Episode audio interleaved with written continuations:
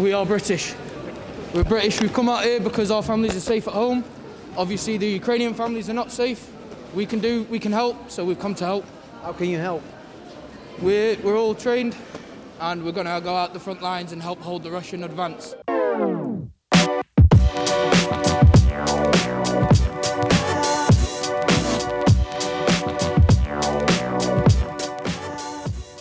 Hey Vincent. Hey Jens. Zo, daar zijn we weer. Ja, eh, Rijkelijk laat. rijkelijk. Ja, ja, ja. Ik, eh, ik durf niet eens eh, te, te verzinnen hoe lang het geleden is. Nee, volgens mij drie weken. Oh, Het is één week, nou, twee weken te laat volgens mij. twee weken laat. Nou ja. Dus dit is de meest onregelmatige podcast van Nederland. Maar Ja, we zijn er weer. Klopt, we zijn regelmatig in onze... Onregelmatigheid. Ja. Maar we zijn hartstikke druk ook geweest, joh. niet te geloven. Nee, en we gaan vandaag eigenlijk een onderwerp bespreken die jij al een tijdje eh, aan het voorbereiden bent, toch? ja, dat Sinds zei ik wel. hè. studie, toch? Ja, klopt. Dit is mijn hele leven heb ik hier op geanticipeerd. Ja. Ja, op de Oekraïne-oorlog. ja, dus die oorlog met Oekraïne, die, die kwam mij perfect uit. Dat weet ik natuurlijk niet. Nee, nee. Maar ehm, nee, eigenlijk zeiden we toen al vrij snel toen die eh, oorlog uitbrak... van we moeten het hebben over vrijwilligers in, in oorlogen. Ja, Uh, er kwamen al vrij snel berichten naar, naar, naar boven in, eh, in de Nederlandse media... dat er ook veel Nederlandse mannen waren die zich eh, hadden aangemeld... om vrijwillig te vechten tegen de Russen of tegen de Oekraïners. Volgens mij van beide kanten hoorde je wel. Ja. Eh, met name nu dan tegen de Russen, maar eh, eigenlijk is het al jaren oorlog in Oekraïne. Weten heel weinig mensen. Ja.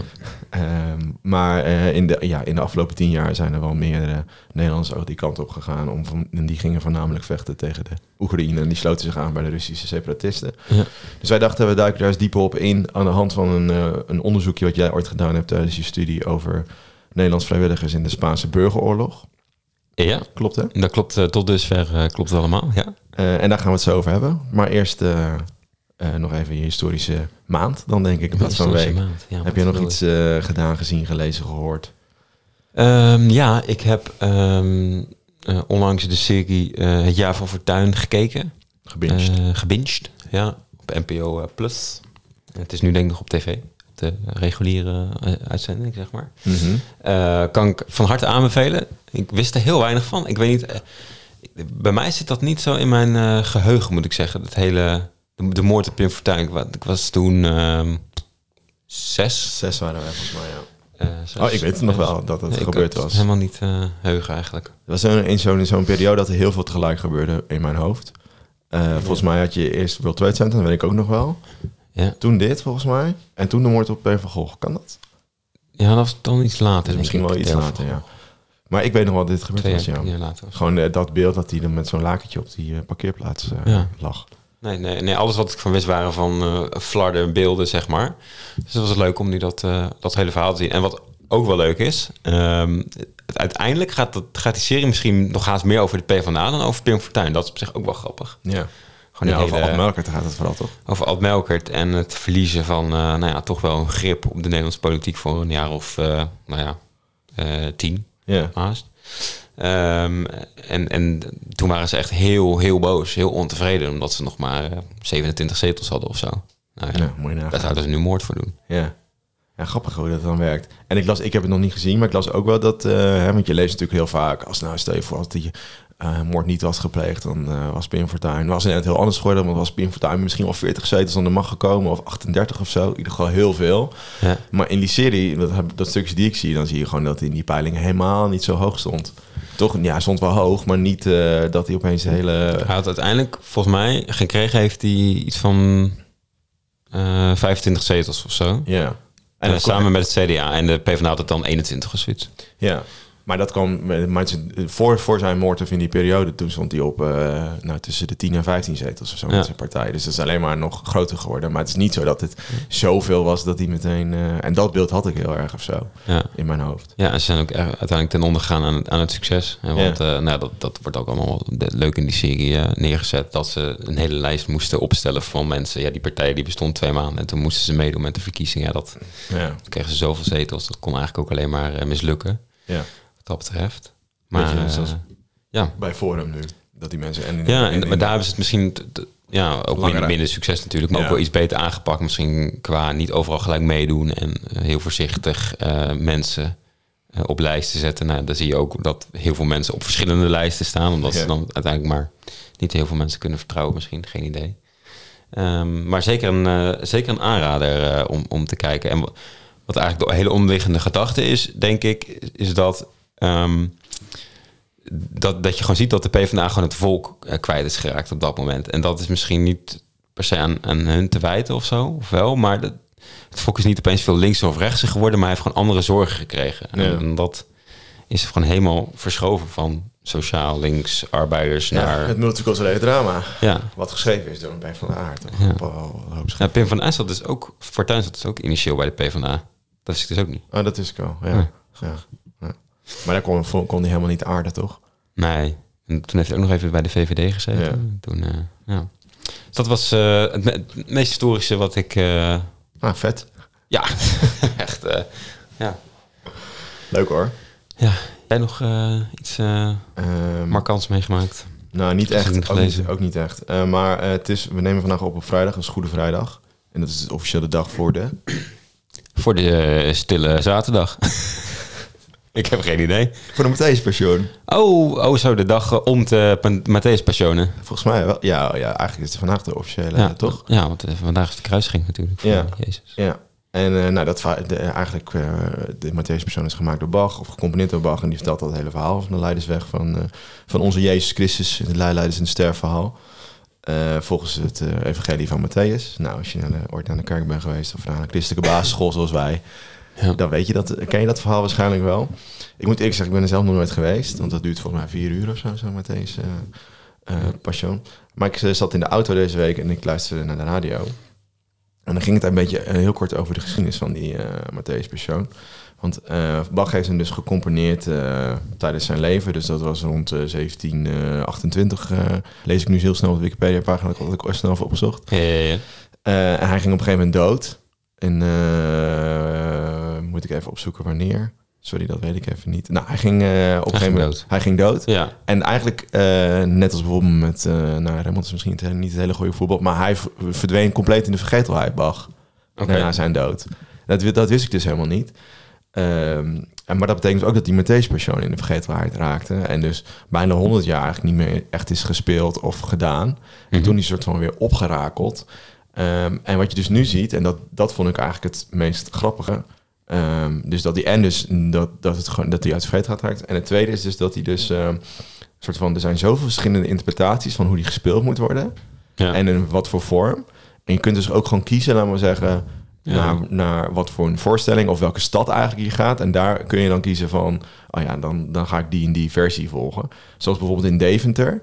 Eh, daar wordt hij dan ieder jaar gespeeld in de Bergkerk. Nou, dat is echt een dik grote happening. En daar proberen ze echt heel dicht bij Bach te blijven. Dus dan dus zo, zo en van hoe hij toen ook gespeeld heeft met niet een heel groot koor bijvoorbeeld. Of Oh ja. nou, met, de, met de instrumenten uit die tijd. Terwijl ze dan weer op andere plekken Ehm, eh, bijvoorbeeld dan met een koor van misschien wel 1700 eh koorleden eh, die met deze passion zingen. Dus dat is veel meer. Dus iedereen heeft weer zijn eigen interpretatie en ook bijvoorbeeld eigen snelheid. Dus op de, in sommige wordt die echt Ja. bijna op hele noten gespeeld. Wat natuurlijk heel traag is, waardoor die misschien wel acht uur duurt. Nou, dan doet hij nog langer in ieder geval. En de andere is het weer heel snel. Dat vond ik heel grappig. Dus het is echt een... eh, je kunt ook nog een soort van stijlkeuze maken naar wat voor met deze persoon eh, je gaat. Dus ik ga me denk, denk ik voor volgend jaar heel goed in verdiepen. Ja. En dan even een, eh, een leuke uitkiezen. Ja, ik wil er wel een keer naartoe. Ja, ik ben er één keertje geweest. Ehm, dus ik heb eigenlijk geen vergelijkingsmateriaal, maar dat duurde ook ja, best lang. Volgens mij was dat wel een redelijk snelle versie, ik me kan herinneren. Ik denk dat Ja. het drieënhalf uur was of zo. Leuk. Ja. Ja, dat is volgens mij een beetje normaal. En, en was het nog heel groot? eh, wa- wa- Waren er veel eh, muzikanten bijvoorbeeld aanwezig? Orkest? Eh, nee, Nee, nee dus dat niet zoveel muzikanten. Wel, En, en koorleden? koor. Ja, ook niet zoveel. Tot tien of zo. En wie was de verteller? Was dat een... eh, want dat was ook nog een dingetje. Dat volgens mij, als ik het goed eh, haal, dat in de tijd van Bach... werden de vrouwenstemmen ook door mannen gedaan. Nou ja. En nu zie je dat heel vaak dat de vrouwenstemmen ook door vrouwen worden gedaan. Maar ook weer niet overal, want je wilt natuurlijk zo dicht mogelijk... Als sommigen willen zo dicht mogelijk bij het origineel blijven. Maar hier zaten wel vrouwen bij, dat kan ik me wel herinneren. Nou ja, dat is een hele progressieve... ja, ja, natuurlijk. Ja. Ja, ik vond het gewoon grappig. Ik wist dat helemaal niet en toen hoorde ik dat. En, dat was, en toen gingen ze ook, laten we zeggen, stukjes verschillen laten horen tussen de, eh, verschillende eh, versies, laat, laat maar zeggen. En dat was heel eh, grappig om, om te horen. Ja. Oké, nou genoeg over onze historische week. Laten we snel gaan eh, naar de realiteit en naar de Oekraïne-oorlog. We zijn in, volgens mij inmiddels ongeveer op dag 51 van, die oor- van, de oorlog. Er is een hoop gebeurd. Een grote blamage is geweest voor, eh, voor Rusland. Ze hebben namelijk hun grootste oorlogsschip eh, zijn ze verloren. Ja, de Dus Moskou. Door een kruisraketaanval. Maar zelfs zeggen ze door, door slecht weer. Ja, Terwijl het helemaal slecht weer was op, de op de Zwarte Zee. Jawel, was slecht weer. Ja. Nee, geen idee. Dat zeggen zij. Ehm, eh, en wij, eigenlijk willen we daar een beetje eh, dieper op induiken. Dus aan de hand van die, van die mensen die zich, eh, die zich aanmelden. En zijn, je ziet verschillende verhalen over Nederlanders. Het zijn vaak, eh, volgens mij alleen nog maar mannen. Ehm, vaak tussen de 20 en, en 40. En jij vond net een stukje ehm, op, op internet, of vond, heb je gelezen over wat er een soort van een hele korte analyse werd gemaakt over de Nederlanders die zich nu aanmelden voor de Oekraïne-oorlog. Wat voor mensen dat zijn. Ja, ze hebben, eh, het is een, eh, een een onderzoekje van, eh, van vijf pagina's. Het is natuurlijk ook allemaal redelijk vers, Ja. wat dat betreft. Maar ze hebben een paar mensen in kaart gebracht die daarin zijn gaan. Waaronder dus ook wel één vrouw.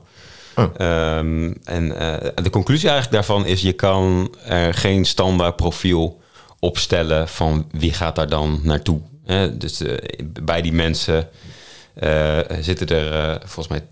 Het zijn er uiteindelijk iets van vijf, vijf tot tien. Nou, er zitten er een paar bij die, eh, die wel GGZ-problematiek hadden. Maar het is niet helemaal duidelijk of dat nou eh, een kausaal verband heeft met het afreizen naar, eh, naar Mhm. Oekraïne.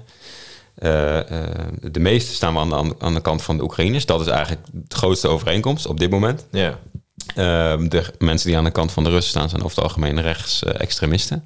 Ja, en die zijn, al, die zijn vaak ook al eerder afgereisd. Die zijn- Dus dat- is echt wel het 2020, begin, ja, of 2014 al zelfs. Ja. Ja, ja precies. Eh sommigen zijn in aanraking geweest met de politie, eh, sommigen weer niet. Ehm, eh, ze komen wel bijna allemaal niet uit de Randstad. Dus dat is misschien wel, wel opvallend. Ja. Eh, Wat de leeftijd zegt ook niet echt wat. Varieert van 20 tot en met eh, eh, 50 zo'n beetje. Daarnaast misschien ook ligt het wat minder voor de hand om naar een oorlogsgebied af te reizen. Gewoon qua maximale leeftijd, denk ik. Mhm. Ehm, ja, en het is dus ook eh, totaal niet duidelijk wat, eh, wat de, de ehm, hoe heet dat? het verdere verloop gaat zijn voor als deze mensen terugkomen naar Nederland. Wat we daarmee moeten gaan doen. Nee. Eh, met ISIS is het natuurlijk ook gebeurd, met IS. Daar zijn ook Nederlanders vrijwillig naartoe gegaan. Maar die vochten echt voor een terroristische organisatie. En nou konden op die basis wel vervolgd worden. Of in ieder geval Ja. werden ze gevolgd en daardoor een beetje in de gaten gehouden. Maar tot nu toe is er niks strafbaars aan het meestrijden in Oekraïne. Tenzij je gewoon oorlogsmisdaden pleegt. Maar dat is strafbaar in algemene zin. Ja. ja, en het komt dus ook omdat ze dus... ehm, je dus de mensen die afreizen, die strijden niet tegen een bondgenoot... of tegen, een, tegen ons koninkrijk zelf, maar Nee. eh, ja, tegen een land dat een ander land oorlog heeft verklaard. Je mag in principe gewoon in dienst van een buitenlandse eh, strijdmacht. eh, als je, zolang je maar niet vecht inderdaad tegen een bondgenoot van Nederland. En dat is nu niet het geval. Ja. En er zijn ook dus al best wel wat, of mensen, je leest nu ook verhalen van Nederlanders die weer terugkomen. Bijvoorbeeld een, een Peter uit Os of een Michael uit uh, Delfzijl. Ja. Die, eh, dat zijn dan vaak artikelen in regionale kranten. zijn altijd soms best eh, nou, grappig, maar best wel interessant om te lezen. Ehm, die dan eigenlijk ook wel, eh, die, die voorbeelden die we hebben gelezen, dat die best gedesoriënteerd weer terugkomen. Zijn vaak in de handen gekomen van mensen, ronselaars, van ronselaars, die dan aan de grens staan te wachten. En eigenlijk, ehm, gezondheid, ben je een soort Gijs Groenteman geworden. Dan kijk, even kijken of het werkt. Misschien dat we heel veel luisteraars erbij krijgen. Eh, die, ehm, eh, die dus dan meteen een soort van in handen komen van die ronselaars... die dan zeggen van nou, wij zorgen ervoor dat je goede spullen krijgt... en bij de juiste dingen terechtkomt, maar je moet wel even betalen. Eh, dat. Eh, of dat ze dus Ja. liggen gewond, of dat ze zeggen... ik las ook een verhaal van iemand die terug was... die zei van ja, het is gewoon helemaal niet geregeld. Daar Nee. helemaal niks doen. Ik was een soort van, ja, liep daar gewoon... met mijn ziel onder mijn arm rond, toen ben ik weer teruggegaan. Ja, ja, volgens mij zei die Peter ook weer van... eh, of hij moest... Peter uit Os. Peter uit Os. Ja. Ik, ik, mo- ik moest een jaar blijven en daar had ik geen zin in. Ik wilde wel vrij zijn daarin. Ja. Ehm, terwijl iemand uit het onderzoekje waar we het net over hadden... zich eh, meerdere malen eh, terug van heen en weer naar Nederland en weer terug heeft bewogen. Dus dat kon waarschijnlijk ook. Dus misschien ook maar net waar je inderdaad aansluiting vond... en hoe het dan- dan geregeld was. Ja. Ja. Maar het is natuurlijk opvallend, en, en daar begon het even mee... ehm, dat er best wel veel Nederlanders waren, of ze het uiteindelijk gedaan hebben of niet... maar die aangaven van, nou, ik zie het wel zitten om naar Oekraïne te gaan... nog voordat eh, president Zelensky daar een oproep eh, ja. voor geplaatst eh, heeft. Ja. Ja, en dat, ja, dat is ook wel, wel, wel, wel interessant. En ze geven ook allemaal aan dat ze wel gamen. Dat is ook heel, wat je heel vaak terug Ja. ziet. Maar dat ze echt wel weten hoe het in een echte oorlog gaat. Ja, het is gewoon heel typisch. Je Ja. denkt, die mensen gaan erheen en die gaan er dan ook heen. Maar ook weer niet, want dat hebben we net gezien. Je kan Ja. geen profiel maken. Maar, ja. Ja, lastig, lastig. Oké, maar nu is dan terug naar, jou, naar jouw onderzoek. Want jij hebt dan, eh, ik weet niet precies wanneer, welk jaar het was, maar je hebt in ieder geval een memoirs gelezen van Nederlanders die ehm, tussen 1936 en 1939, denk ik ongeveer, naar Spanje zijn gereisd. Ja. Dus dat is dan echt hun, hun dagboeken. Hoe kwam je op dat onderwerp toen de tijd? Eh, toen de tijd, nou toen de tijd eh, eh, speelde ISIS eigenlijk Oh, ja. dat hele verhaal. En toen wilde ik daar eigenlijk onderzoek naar doen, maar dat was toen nog best wel vers. Dus toen heb ik uiteindelijk hetzelfde verhaal, maar dan in de Spaanse burgeroorlog onderzocht. Ehm, nou, misschien heel even kort. Spaanse burgeroorlog tussen 36 en eh, 39, zoals je al zei. De nationalisten namen het op tegen de republikeinse regering. De nationalisten stonden onder leiding van generaal Franco, dictator die we waarschijnlijk allemaal wel kennen. Ehm, de republikeinen waren na 31, dus eh, vijf jaar daarvoor, aan de macht gekomen na het afzetten van de koning. Eh, waarbij grote landeigenaren en de kerk, die werden allemaal de dupe van deze, deze overname. Alle land werd, eh, werd onteigend. Eh, de re- republikeinse groep was voornamelijk gevormd uit socialisten, communisten, anarchisten. Ehm, en de nationalisten ja, waren eigenlijk een beetje tegenovergestelde. Dus meer rechtse, rechtse tak eigenlijk. Ehm, de nationalisten kregen ook veel hulp van Duitsland en Italië. Ook soortgelijke staten natuurlijk eh, Ja. in die tijd. Eh, maar uiteindelijk gingen er dus eh, 700 eh, Nederlandse mannen en vrouwen vochten mee in, in Spanje. Ja, super interessant. Ja. Veel van deze strijders waren überhaupt nog nooit in het buitenland geweest. Ehm, eh, wat v- veel al de overeenkomst was, is dat ze ook allemaal wel redelijk links eh, van aard waren. Dus ze waren allemaal wel, kwamen vaak uit de communistische eh, kringen eigenlijk. En gingen daarom vechten in Spanje. In Spanje had je ook de, ja, dat heet dan niet het Vreemdelingenlegioen, maar de internationale brigade. Ehm, en dat was ook een, ja, eigenlijk een, een verbond van allerlei, ja, hoe noem je dat? Eh, proletarische partijen van heel Europa samen. Ja. Eigenlijk dat is ook een soort van ja, communistische strijdkracht eigenlijk. Die Een soort de- linkse, nog linkse revolt. een, soort nog linksere Volt-beweging inderdaad. eh, Pan-Europese eh, Ja. toestanden. Ja, Is helemaal niet, nie- is helemaal iets, niet iets nieuws. nee, dat klopt. Oké, en toen eh, jij hebt dus dat onderzocht en toen heb jij dus ehm, eh, eigenlijk dus een soort van dagboekjes of verhalen gevonden eh, en persoonlijke brieven misschien ook wel van mensen hier naartoe. Hoe, hoe kwam je daar, ja, waar zijn die te vinden? Ja, die zijn allemaal te vinden in het eh, IISG. Dus dat is het Instituut voor Sociale Geschiedenis in Ja. Amsterdam. Ehm, en daar waren die mensen allemaal, of hadden ze dagboeken geschreven, die liggen daar, maar de meeste waren ook nog wel geïnterviewd in de jaren, volgens mij 80, 90, die een beetje, die, eh, Mhm. toen ze nog allemaal eh, leefden, zeg maar. Ja, Ehm, en daar vertelden ze eh, allemaal waarom ze gegaan waren, wat hun beweegredenen waren. Nou, dat was ook eigenlijk mijn insteek van, eh, om dat uit te zoeken van, zie ik daar nou een gemene delen in, ja of nee? ja, Ehm, eigenlijk wat dat onderzoekje waar we het net over hadden ook was. Van waarom gaan die mensen nou, hebben ze, hebben ze overeenkomsten of... eh, nou ja, goed, in dit geval eh, was het natuurlijk de internationale brigade, dus het was al een beetje links van aard. Dus kwamen we allemaal uit die, eh, uit die hoek. Ehm, als je ook kijkt, in Nederland was dat hele socialisme, communisme, dat was nog niet helemaal lekker op gang gekomen in de jaren 30. En dat was allemaal, ehm, dat kwam met name ook door de verzuiling. Dus je had eh, de socialistische zuil, de liberale zuil, maar ook de christelijke zuilen. ja, En daar zaten in die christelijke zuilen, daar zitten natuurlijk mensen van zowel links als rechts. Want Ja. het christendom is eigenlijk wat ze daarin eh, heeft gestopt. Ehm, en vandaar dat ook veel socialisten eigenlijk ook nog in die christelijke zuilen zaten. Dus het is nooit echt een hele grote eh, beweging eh, geworden. Dus misschien was het in Spanje ook wel een soort manier om aansluiting te vinden bij ja, soortgenoten of mensen van eh, ja. eh, gelijke gedachte, gedachtegoed. Ehm, maar wat je bij de meesten zag, en dat was eigenlijk wel de grootste overeenkomst, is dat ze wel wilden strijden tegen het, eh, tegen het fascisme in het algemeen. Ehm, er zat bijvoorbeeld een, eh, een mevrouw bij eh, Trudel, heette ze van de voornaam, Trudel van Reemst. Mhm. Ehm, en die eh, re- reisde echt af naar, naar Spanje. Zij kwam uit Duitsland en zij zag eigenlijk ook al de eerste eh, opkomst van het nationaal socialisme en wat het fascisme kon doen met een, met een samenleving. ja. Dus zij ging daar echt heen als, nou ja, als, als fas- antifascist. Ze was ook zelf Joods, dus dat, dat werkt natuurlijk ook, ook wel mee.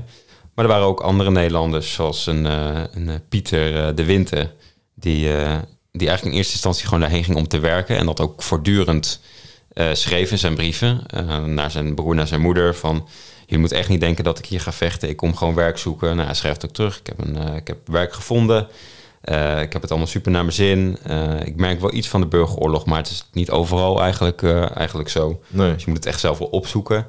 Eh, maar uiteindelijk belandt ook hij in, in, de, in de Nederlandse compagnie, in de, in de Spaanse burgeroorlog. Eh, ook als hij, eh, eh, ja, als hij ook ziet hoe het gaat en eh, hij ontmoet mensen en eh, wil, zich, eh, wil zich toch eh, gaan inzetten voor de strijd. Maar goed, hij, was, hij is eigenlijk een voorbeeld van iemand waarbij het niet goed ging in Nederland, economisch eh, gezien.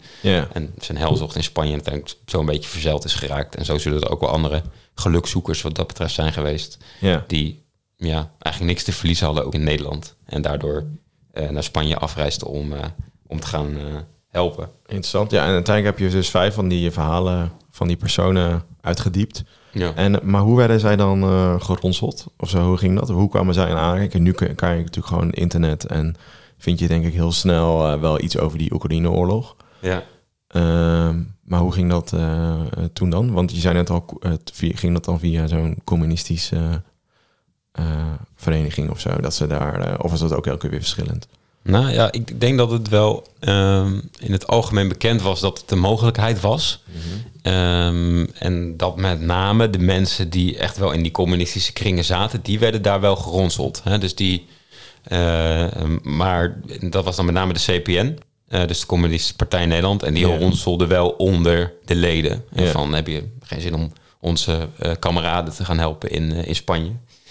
Eh, maar mensen die totaal niks met de communisten te maken hadden, maar meer antifascistisch waren. ehm, Die gingen gewoon op die gingen ook wel op eigen gelegenheid heen. Ja. Of eh, bijvoorbeeld met het eh, Rode Kruis of, of dat soort organisaties. Ja, interessant. Ja. En ehm, een laatste vraag denk ik, voordat we naar de quiz gaan. En dan denk ik, kunnen we na de quiz nog even weer terugblikken op die beweegredenen nu en, en toen. Maar ehm, nu lees je dus overal dat die mannen die zeggen van... nou, we gaan naar wapens, gaan echt vechten tegen de Russen. Maar als ik jouw stil lees, zijn het, ze gaan voornamelijk werken als een soort in het, in het, in het ziekenhuis. En als, eh, Ja. maar dus niet echt eh, als soldaten. Nee, dat zullen er wel een aantal geweest zijn. Maar de, de meeste zaten eh waren meer in de logistieke, logistieke dienst. Ik denk dat ook... nou, wij zijn eigenlijk beide dienstplichtig. Stel, wij zouden opgeroepen worden... dan gaan, krijgen wij ook echt geen wapen om ergens te vechten. Tenzij ze letterlijk elke man nodig hebben. Maar Ja.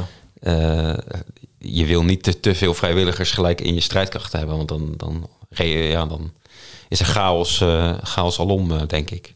Ja, dat denk ik ook, ja. Ja, dus het is gewoon vooral, eh, vooral dat. Dus dan inderdaad op de achtergrond helpen. En uiteindelijk is het natuurlijk ook wel vaak zo dat je wint of verliest door je logistiek. Dat zie je nu ook bij de Russen in, in Oekraïne. Eigenlijk. Ja. Dat de aanvoerlijnen gewoon niet goed genoeg zijn en dat dat je parten gaat spelen. Ja. Nou, mooi, leuk. Of leuk, maar gewoon interessant. En leuk om het weer een keer eh, terug te lezen. Want je hebt het toen de tijd wel zo verteld. Maar eigenlijk nooit, eh, eh, nooit gelezen. Nu had ik het gelezen. Nou, leuk. En ook, ook wel interessant, al die krantenartikelen uit de tribune en zo. Ja, ja, ja. Die ja. dan ook oproepen eigenlijk om te helpen. Ja, je ziet gewoon de linkse en de rechtse kranten in Nederland die daar volledig anders tegenaan kijken. Ja. Tegen die, dat, dat conflict. Ja. Oké, dus ik denk dat het tijd voor de quiz is. Dat we, en dan gaan we daarna weer even verder naar het linkje naar nu weer. ja. Toppie.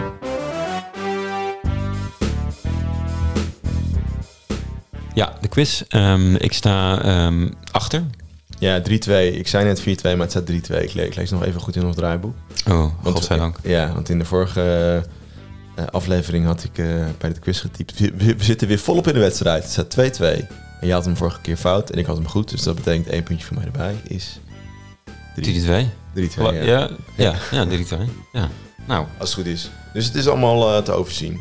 Eh, nog voor jou. Eh, want ja, ik stelde vorige keer de vraag aan jou van wanneer erkende Nederland na de revolutie van oktober van 1917 in, in Rusland, dus best actueel nu, Ja. het nieuwe bewind van Rusland, eigenlijk de soort Sovjet-Unie voorloop van de Sovjet-Unie. Hoe heette dat toen al, Sovjet-Unie? Ja. volgens mij wel. Ja. Ja. misschien net iets anders. Maar... Ehm, en jij zei volgens mij, dat zal wel vrij snel zijn, dacht je, nee, 1918 of zo, maar het was pas 1942. Ja. Dus toen, toen we ze nodig hadden. Ja, het, was echt... eh, hè? Een soort een soort ruilhandel. Ja. Dus toen werd dat pas erkend, best wel echt vrij laat. Ik las inderdaad ook dat Nederland ook rijkelijk laat mee was... vergeleken met, eh, met andere landen. Ja. Ja. Maar dat betekent dus dat het, eh, dat het 3-2 staat. Eh, Ja. Dus eh, nou, stel een vraag aan mij. Ja, dan weet ik of ik eh, überhaupt aan moet beginnen of niet. Ja. Nou, zeg maar stop. Stop. Eh 70 of 71? 71. 71. Eruit als een leuke vraag. Welke van de onderstaande wetenschappers won niet de Nobelprijs? Nee, zit ik helemaal in, in Nou, wetenschapsgeschiedenis.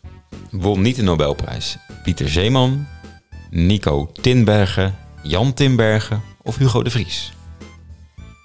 Ik ken niemand van deze mensen. Tinbergen, ik me wel bekend van. ja. Maar misschien omdat ik het bij B had gelezen en toen bij C nog een keer. Oh, ja. Ik ga voor eh, D. Hugo de, jij denkt dat Hugo de Vries, Vries. nooit de Nobelprijs heeft gewonnen? Nee. Ja, dat is helemaal goed. het is ongelooflijk. Is het er niet helemaal? Die jongen heeft geluk als een hangen. van Gaal. Gouden pik heb ik.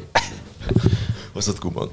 Oké. En eh, wil je nog, kun je nog iets over vertellen? Of eh, Ja, Wat wil je weten, joh? wie die Jan Zeeman kan maar juist bekend voor me. Kan ook dat het Pieter Zeeman Of Pieter Zeeman. won de prijs samen met Hendrik Voor Lorentz het beste detailhandel.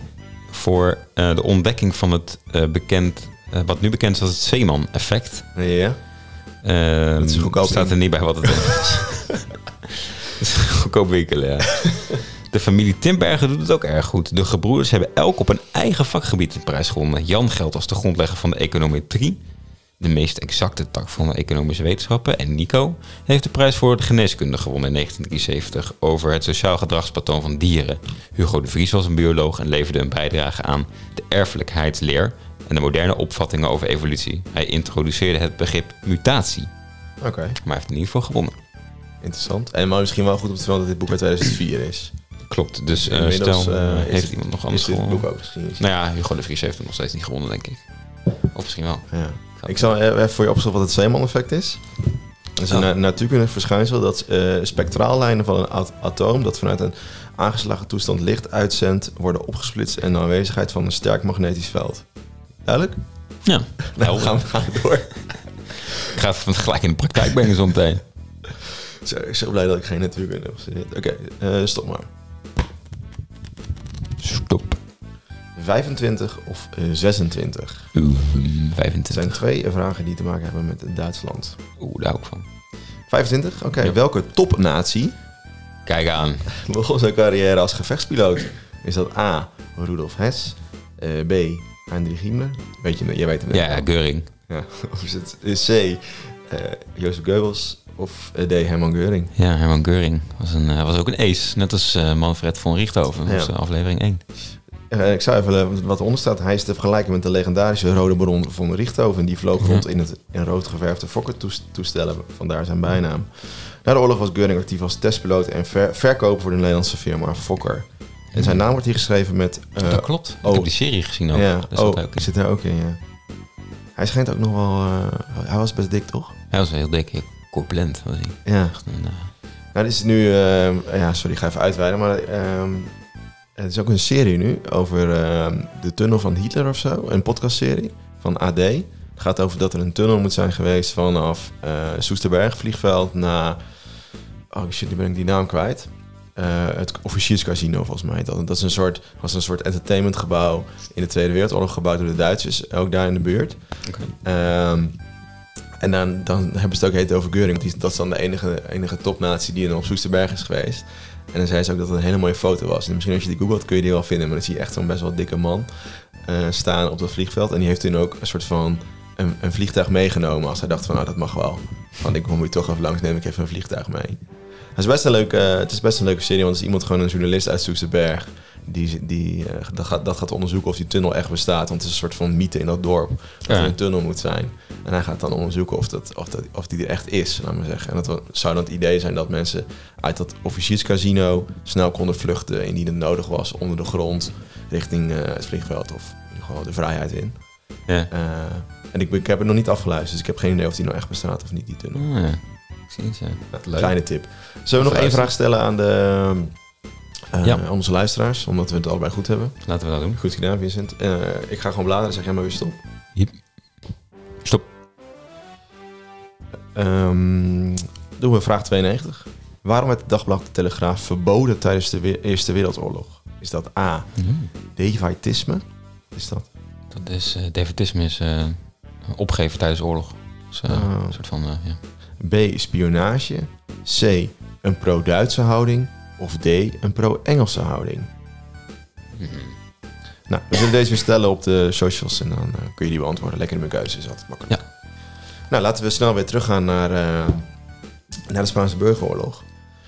Ehm, Vincent, jij wilde ook nog iets vertellen eigenlijk over de soort van de, de afloop van wat die mensen, die Nederlanders, die 700 Nederlanders die daar, eh, daar gestreden hebben of afgereisd zijn naar Spanje tijdens die burgeroorlog eh, in de jaren 30, wat er nou met hun gebeurde. Want eh, hun paspoort werd, of ze werden stateloos, toch? Ja, dus eh, op een gegeven moment kwamen ze terug. De strijd was verloren. Franco aan de macht. En ja, ze waren hun paspoort kwijt, want ze hadden gestreden in, in vreemde dienst. Ja. Ehm, en dat is pas, en dat zei jij net. Ja, ik ging het even, even ehm, zeg je dat, onderzoeken of onderzoeken. Maar, ehm, maar dat is dus best wel een ding geweest toen de tijd. En volgens mij uiteindelijk kregen die mensen wel hun paspoort terug. Maar omdat ze dus eigenlijk een soort van ook gevochten hadden voor de goede zaak. Op de een of andere manier. Ja. eh, was het best gek toen de tijd dat ze opeens stateloos waren. Je zou maar stateloos zijn. Ehm, en wat ze dus nu eh, doen, als ik het goed lees, maar ik heb maar één bron bekeken snel, eh njb.nl. En daar staat eigenlijk op dat ehm, ehm, door, eigenlijk door die ervaringen van die oud-Spanje-strijders is er helemaal een nieuwe, ehm, is eigenlijk een soort van eh, ontwikkeling in die wetgeving gekomen, wel pas in 1985. En die heeft eigenlijk geleid tot de, tot de radicale afschaffing van de verliesbepaling. Dus dat betekent dat je eigenlijk niet zo snel meer je paspoort verliest. ja. Ehm, en eigenlijk eh, werd dat in 2000 weer eh, extra herijkt door een amendement van, ik denk Verhagen en Boris Dietrich, die dan in 2003 in werking trad. En dat betekent eigenlijk dat je alleen je Nederlanderschap kan verliezen als je eh, meer, als een meerderjarig Nederlander, dus je bent boven de 18, zich vrijwillig in de krijgsdienst begeeft van een staat die betrokken is bij gevechtshandelingen tegen het Koninkrijk van Nederland of tegen een bondgenootschap waarvan het Koninkrijk eh, lid is. Ja. Eh, en, en dan mag daarbij geen stateloosheid optreden. Dus je moet altijd dan al een dubbel paspoort hebben. Dan kan je een pas je Nederlandse paspoort verliezen. Dus stel je voor, eh, ik ben nu een, ik ben een Rens en ik ga met mijn Nederlandse paspoort nu tegen de Russen vechten. Ja. Eh, dan kan ik niet mijn paspoort kwijtraken omdat ik maar één, ik heb maar één, ik ben maar, zeg je dat? Ik ben er maar één, eh, Ja. ik heb maar één nationaliteit. Zo Ja. kwam er heel moeilijk uit. Dus dat is het, eh, het idee. En volgens mij, nu, nu lees je eigenlijk ook overal dat je de- dus, dus ook nog wat jij in het begin zei, nu bijvoorbeeld met Oekraïne, dat ze daar ook nog helemaal geen uitspraken over. Dat ze Sorry. Daar, sorry Gijs. Dat ze daar helemaal nog geen uitspraken over hebben, hebben gedaan. Nee, ja, eh, behouden ze het feit eh, dat ze in feite niks strafbaars doen volgens dus die nieuwe wet. Hè, dat ze niet strijden tegen een eh, vijand van Nederland of een van de Nederlandse bondgenoten. Ja. Ehm, en in de tijd van Spanje was het nog zo dat überhaupt het in dienst treden van een vreemde krijgsdienst ehm, leidde tot, tot het verliezen van het, van het Nederlandschap. En dat is dan wel in 46, 49 al wel eh, teruggedraaid, soort van. Mhm. hebben ze een nieuwe wet aangenomen waardoor je wel je eh, burgerschap eh, weer kon terugkrijgen of je Nederlanderschap. Eh 94 eh Spanje-strijders hebben dat toen ook gedaan. Alleen ehm, ja, was natuurlijk na de Tweede Wereldoorlog werd redelijk snel het hele communisme soort van de vijand. En stond je op, opeens weer een beetje aan de verkeerde kant van het, van het spectrum, terwijl je eerst aan de goede kant stond. Dus daarom kregen ook veel minder mensen eigenlijk tot, nou, wat je net zei, de jaren 80 Ja. Eh, hun nationaliteit terug. Omdat ze ja, met, eh eh, met argusogen werden bekeken eigenlijk. En, en niet zo snel Ja. die regeling konden, konden treffen. Ja. En in 2017 is er nog weer een kleine ontwikkeling gekomen in die wetgeving. En dus dat eigenlijk dat nu het niet meer automatisch is dat je dan je paspoort verliest. Dus eh, als je voldoet dus aan alle voorwaarden dubbel paspoort hebt en dus vecht tegen het Koninkrijk of tegen een bondgenootschap, maar dat dat gaat op een gevalsbeoordeling door de minister en beroep op de rechter. Eh, maar het ook een beetje verzwaard. Dat gaat dus niet nu alleen maar om meerderjarigen, maar om vanaf 16 plus.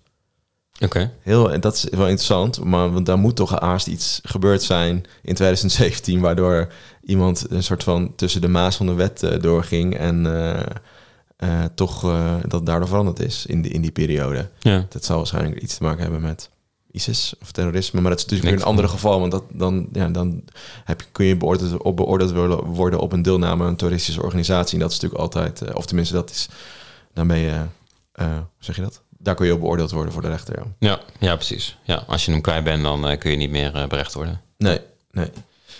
Dus dat. Ehm, en ik wil nog even met jou hebben over die eh, motieven van nu... in vergelijking met die motieven van toen in de, in de Spaanse burgeroorlog. Ehm, wat ik een beetje begrepen heb in je stuk en wat je net ook vertelde... is dat die, die motieven in de Spaanse burgeroorlog waren een soort van tweeledig... waren twee stromen. Of dus ideologisch, want je was communist... of ook wel een beetje ideologisch... Of antifascist. Of antifascist, ja, eigenlijk. Toch? Vooral dat. Ja. En nu, wat je dus leest... Sorry, nu moet ik ook hoesten. Corona, nee. Wat je dus nu leest ehm, in, die, in, die, in lokale bladen allemaal, in die kranten.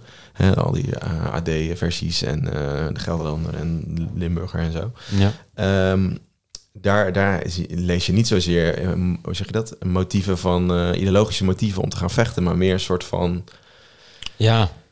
Wat is het? Eh, escapisme soms ja, bijna. Ja, maar echt eh, van... eh, we hebben twee jaar eh, in, in quarantaine gezeten en nu eh, is er wat te doen. Of ja, een beetje militarisme is het. eh Ja, bewijsdrang. Daar neigt het een beetje naar van er is oorlog, ik wil meedoen. Ja, maar ik durf het eigenlijk niet te zeggen van of we hier. Nee, ik weet het ook niet zeker hoor. En onze eh, ivoren podcast horen, maar Want er zijn ook mensen die zeggen van ja, ik heb gewoon een heel erg sterk het gevoel dat ik iets moet doen. En ik vind eigenlijk alles behalve meevechten te weinig. Dat is Ja. natuurlijk op zich heel oprecht. Ja, klopt. En eh, wat je dus ook in die, in die analyse eh, waar je in het begin, die het begin aanhaalde, was ook dat er niemand was eigenlijk met een migratieachtergrond. Dus het waren allemaal Nederlanders Ja. die dus ook geen link hadden met Oekraïne of Rusland. Maar je leest dan bijvoorbeeld wel, zoals die Peter uit Os, die we nu een paar keer over hebben gehad, dat die dan een vriendin heeft uit Oekraïne. Ja. En dus daarom daar gaat vechten. Dus dat is dan wel weer een soort, Ja.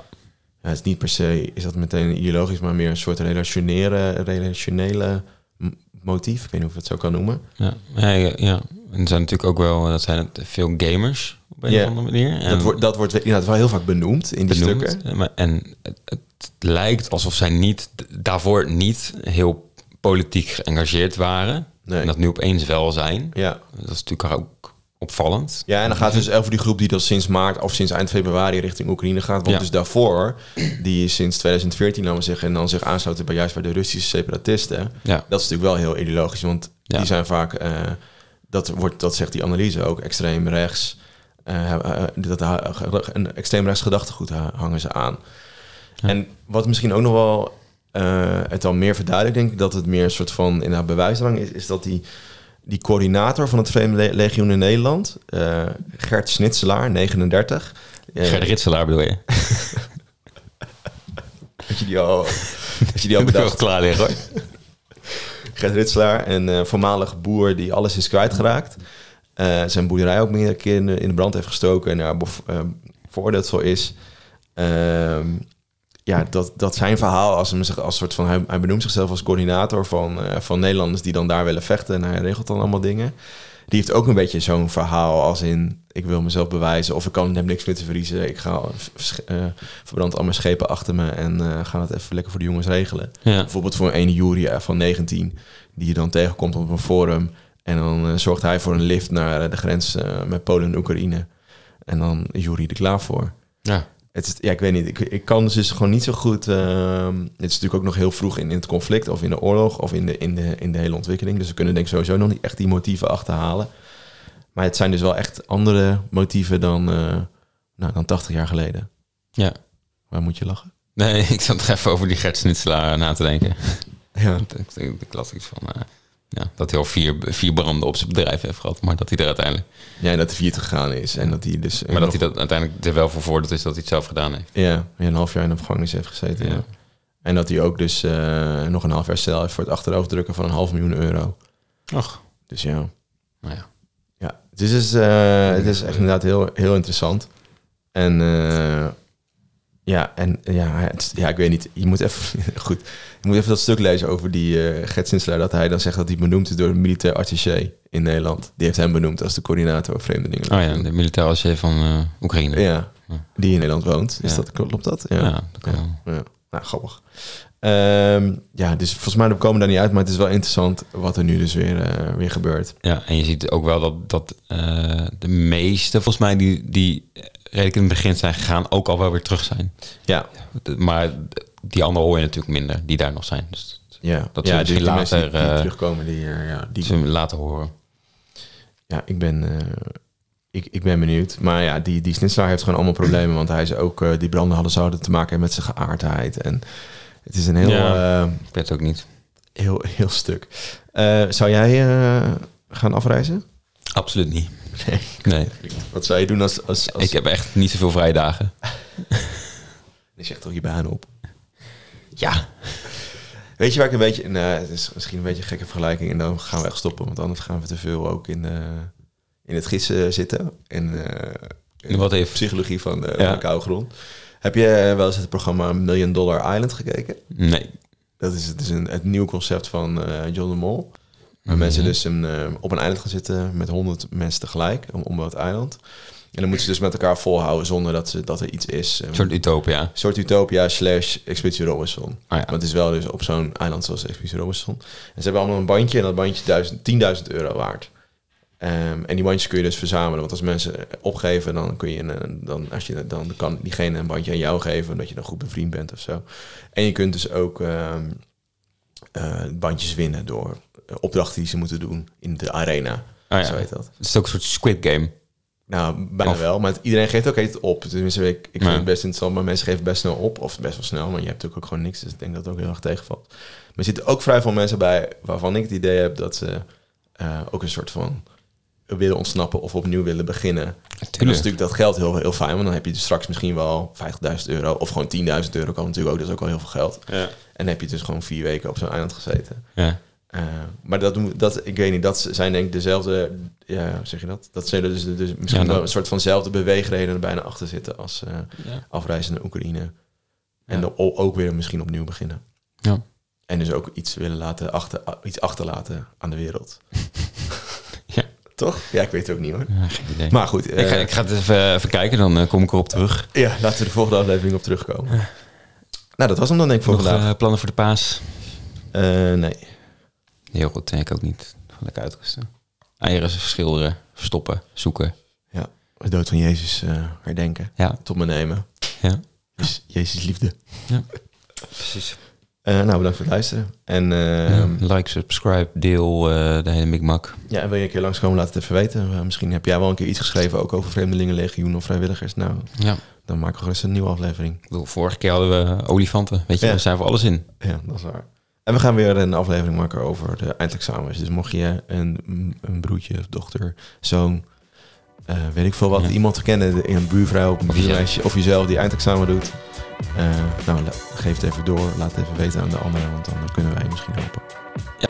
Oké, bedankt voor het luisteren. Yo. Dag.